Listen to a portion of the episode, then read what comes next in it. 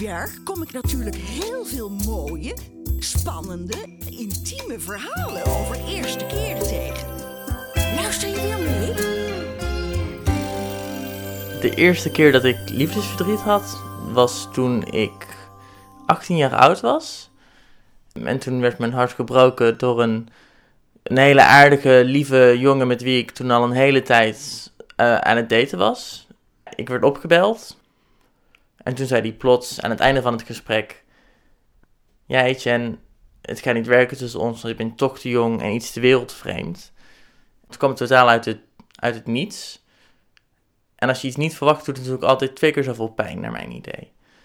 Ik was gevuld met woede en ik had nul controle over mijn gedachten. En het enige wat er toen in me opkwam was: ik moet iets kapot gaan maken.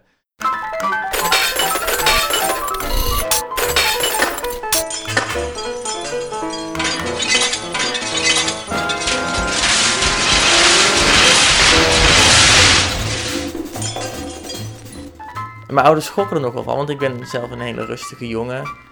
En dan plots, plots gooi je al die borden kapot. Dan vonden mijn ouders het niet heel erg, want we hadden wel behoefte aan nieuwe borden. Maar toch hadden ze zoiets van, hè, in het vervolg ga dan een rondje rennen in plaats van borden kapot gooien. Dat geeft ons iets minder shock. Uh, nou, en door het hele huis heen natuurlijk. Want als je hard gooit, barst zo'n bord in duizenden stukjes. Daarna uh, kon ik heel slecht slapen en lag heel lang te malen van, nou, het lag aan mij. Waarom ben ik niet goed genoeg voor hem? Maar toen heeft iemand me duidelijk gemaakt dat als je gedumpt wordt, het nooit aan jou ligt, maar aan de ander. Want hij of zij vindt jou niet leuk genoeg. En daar kan je zelf niks aan doen.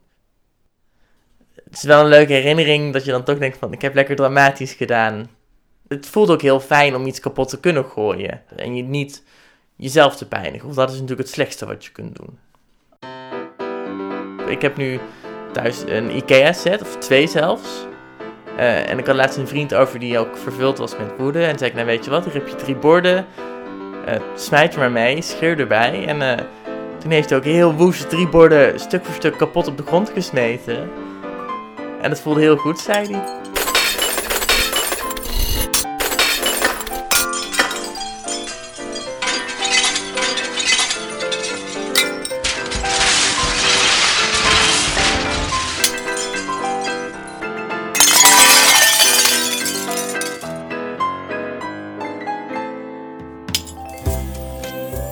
Wil je meer verhalen horen? Kijk dan op de drcorryshow.nl